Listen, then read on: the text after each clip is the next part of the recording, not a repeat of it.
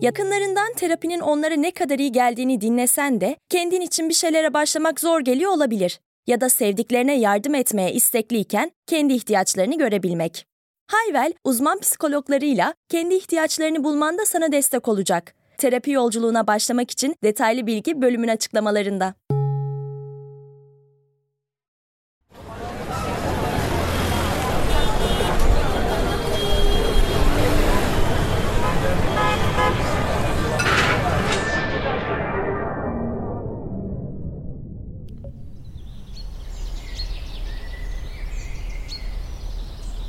Herkes benimle mi?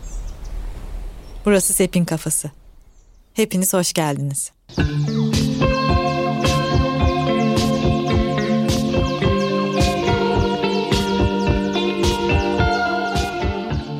En son bölümde neye güveniyorsun diye bırakmıştık. Evet Şimdi o bir, bir kenarda dursun biraz. Güven, güvenlik böyle birbirinin içine giriyor de demiştik önceki bölümde. Biraz şimdi güvenlik tarafına geçelim istiyorum. Güvenin karşısında sözlükte tehlike bulunmama durumu güvenlik, emniyet, asayiş de yazıyor.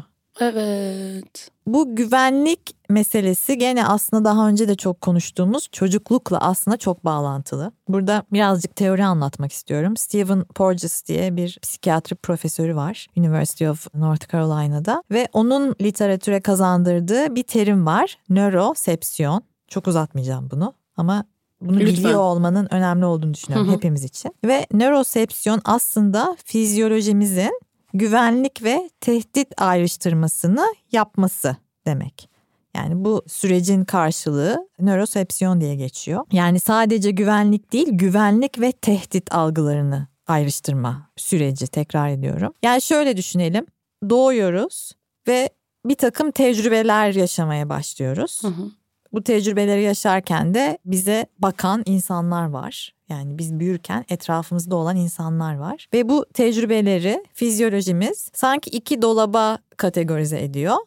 Güvenli, güvenli değil. Veya bu bana güven veriyor, bu beni tehdit ediyor. Böyle iki dolabı yavaş yavaş yavaş yavaş dolduruyoruz. Bu bir çocuğu anlamam için yapıyorum aslında. Bu bir çocuğu ele alıyoruz. Ve Evet. çocuk ebeveynlerinden ya da işte düşmesinden, eli yanmasından falan gibi şeyler öğreniyor. Evet. Bu tür eylemlerle. Ve burada beni hep düşündüren, tehdidi yaratan şey dış faktörün verdiği tepki mi? Yoksa gerçekten elini bastığında yanan bir şey ya da sürttüğü dizi mi? Yoksa bir annenin Aa, ne yaptın falan ya da onun böyle çok üzülmesi, o şeyi yapması yani o üstüne bir telaş ve bir bir şey gördüğünde çocuk aslında tehlikeyi veya tehdidi o şekilde yorumlamayı öyle mi öğreniyoruz? Şimdi şöyle elinin yanmaması lazım. Yani bizim derimizin belli bir sıcaklığın üzerine zaten dokunmaması Tamam, gerekiyor. kabul. Sağlıklı olabilmek Evet. için. Şimdi bir böyle şeyler var. Bunları zaten öğrenelim evet. Biz, Evet. Bir, bir zahmet hayatta Tamam, kalmak aynen. için. Ama bazı deneyimlerde aslında hiçbir tehdit yokken tehdit algısı da yerleşiyor içimize. E ve o senin dediğin sebepten oluyor çoğu zaman. Koşma, düşersin, ince çıkma, hastalanırsın falandan aslında bu çok küçük veriyorum ve ebeveynliği taşlamaktan falan ne haddimi öyle bir yerden açmıyorum. Sadece bu gibi davranışların çok büyük bir yere dönüştüğünü ve bir kar topu olduğunu düşünüyorum Evet. insanlıkta. Ve ne oluyor? Tehdit dolabı gereksiz birçok şeyle şişiyor ve çok kalabalıklaşıyor. Hı hı. Aslında orada belki gerçek tehditler yok. Şimdi büyüyünce biz ne oluyor? Hep böyle benzeterek çalışır sistem. O dolaba attıklarına benzeyen şeyleri yakaladıkça bu da benim için tehdit diyor. Onu da dolaba atıyor. Yani devamlı artık o tasnif mekanizmasının getirdiği bilgiyle hareket etmeye devam ediyor. Şimdi bunu bilmek ne işe yarayacak? Bunlar böyle duymakla, okumakla hemen o dolaplar tekrar olması gerektiği hale gelemiyor. Yani duymakla, okumakla halledebileceğimiz şeyler değil büyük ihtimal. Ama entelektüel seviyede bunu bilmek kendimizle çalışırken katıldığımız çalışmalar, aldığımız terapiler nasıl çalışıyorsak kendimizle bilmiyorum orası herkesin kendi bileceği iş. Ama bu tarz böyle entelektüel bilgi işe yarıyor. O yüzden buna özellikle değindim. Bizim güvenlik ve tehdit algımız bebekliğimizden itibaren bu şekilde yani tasnifleme mekanizması sürecinden geçerek belli bir yere oturuyor. İnsan çalışa çalışa peki kendiyle bu dolabı bütün istiflediği her şeyi belki bazen o dolabı şey diye de hayal ediyorum sen anlattıkça.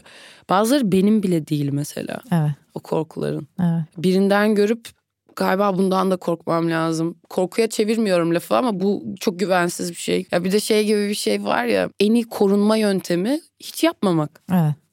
Bu hareketsizliğe ve bu kaçınmaya da yol açıyor o şişen dolaplar. Evet. Ama doğru duyuyorsam ve benim de inanmak istediğim şey olarak da bunu belki de söylemek istiyorum. Bunları yolda bırakabiliriz aslında çalışırken. Değil mi? Evet, buna inanıyorum. Bunun yolunun tek başına olmadığını düşünüyorum. Tabii Yani ki. illa Aynen. destek lazım. Bu destekten tek kastım da terapi veya başka çalışmalar değil de ben bunların ilişkilenme içinde çok daha kolay en azından kendi tecrübemde çok daha kolay demeyeyim ilişkilenme gerektiğini düşünüyorum. Yani ilişki gerekiyor bunlar için.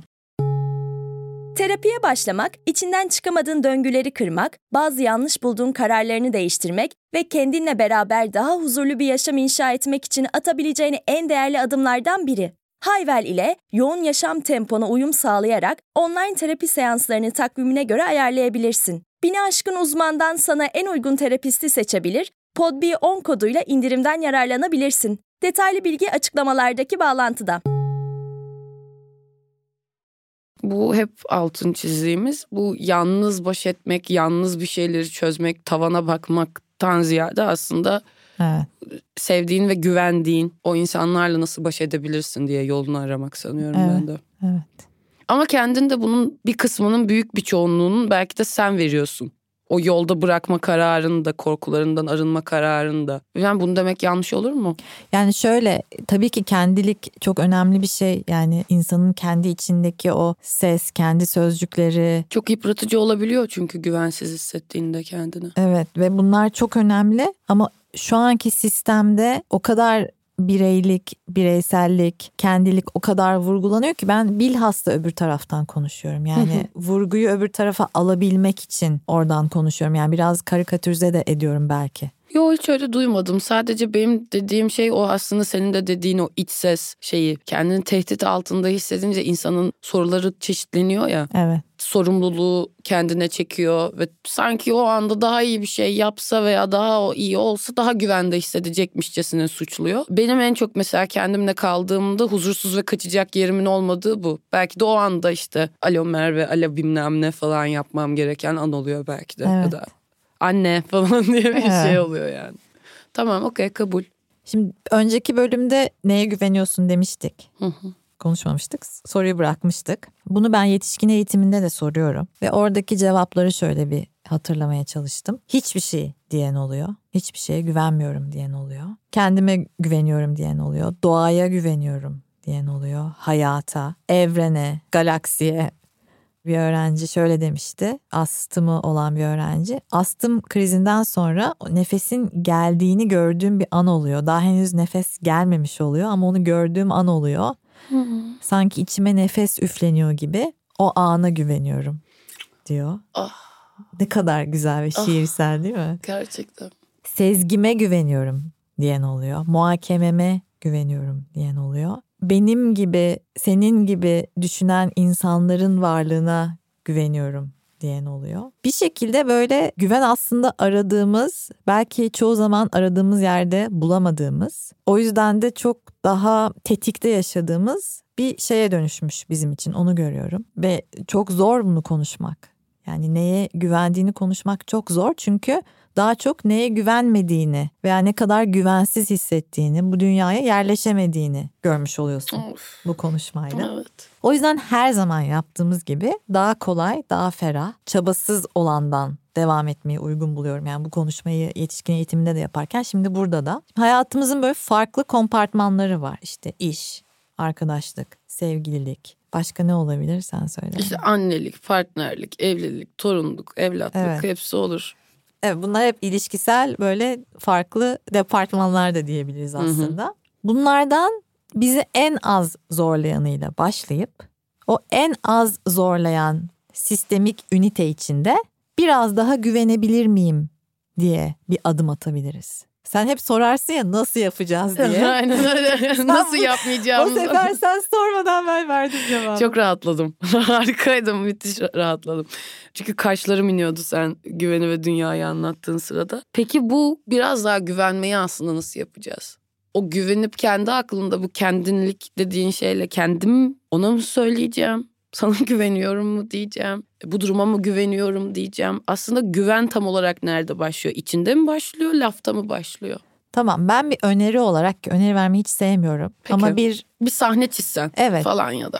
güvenmediğinden davranıyorsun ya. Şimdi bir güvenmemen var. Bir de onun davranış karşılığı var. Evet. O davranış karşılığından geri saralım. O davranışı yakalayıp onu biraz daha az güvenmediğin bir yerden yapabilir misin? Neyse o davranış. Hepimiz için farklıdır. Bambaşkadır tabii ki. Hepimiz için evet çok farklı farklı tezahür ediyordur. Ama onu yakalayıp ben bunu güvenmediğim için yaptığım dediğin her neyse ama bak o en az zorlayan kompartmanda yapıyoruz bunu. En zorlu yerden başlamıyoruz. Ve o en az zorlayan kompartmanda da seni en az zorlayan durumdan başlıyoruz. Yani hep en azıyla işimiz. Ve orada senin için çok da sıkıntılı, rahatsız edici bir durum değil ama belli ki o davranışın bir güvensizliğin sonucu. Onu yakalayıp o davranışını daha Daha az. güvenmediğin bir yerden, ya bak daha çok güvendiğin demiyorum, daha az güvenmediğin bir yerden yapman mümkün mü? Ama iyi geliyorsa bu sana. Bence Hep deneyebiliriz. Küçük adımlar. Evet. Bence deneyebiliriz. Daha çok güven değil çünkü daha az güvenmediğin yerden herkes start alabilir sanki. Biraz daha, biraz daha diye diye. Okey.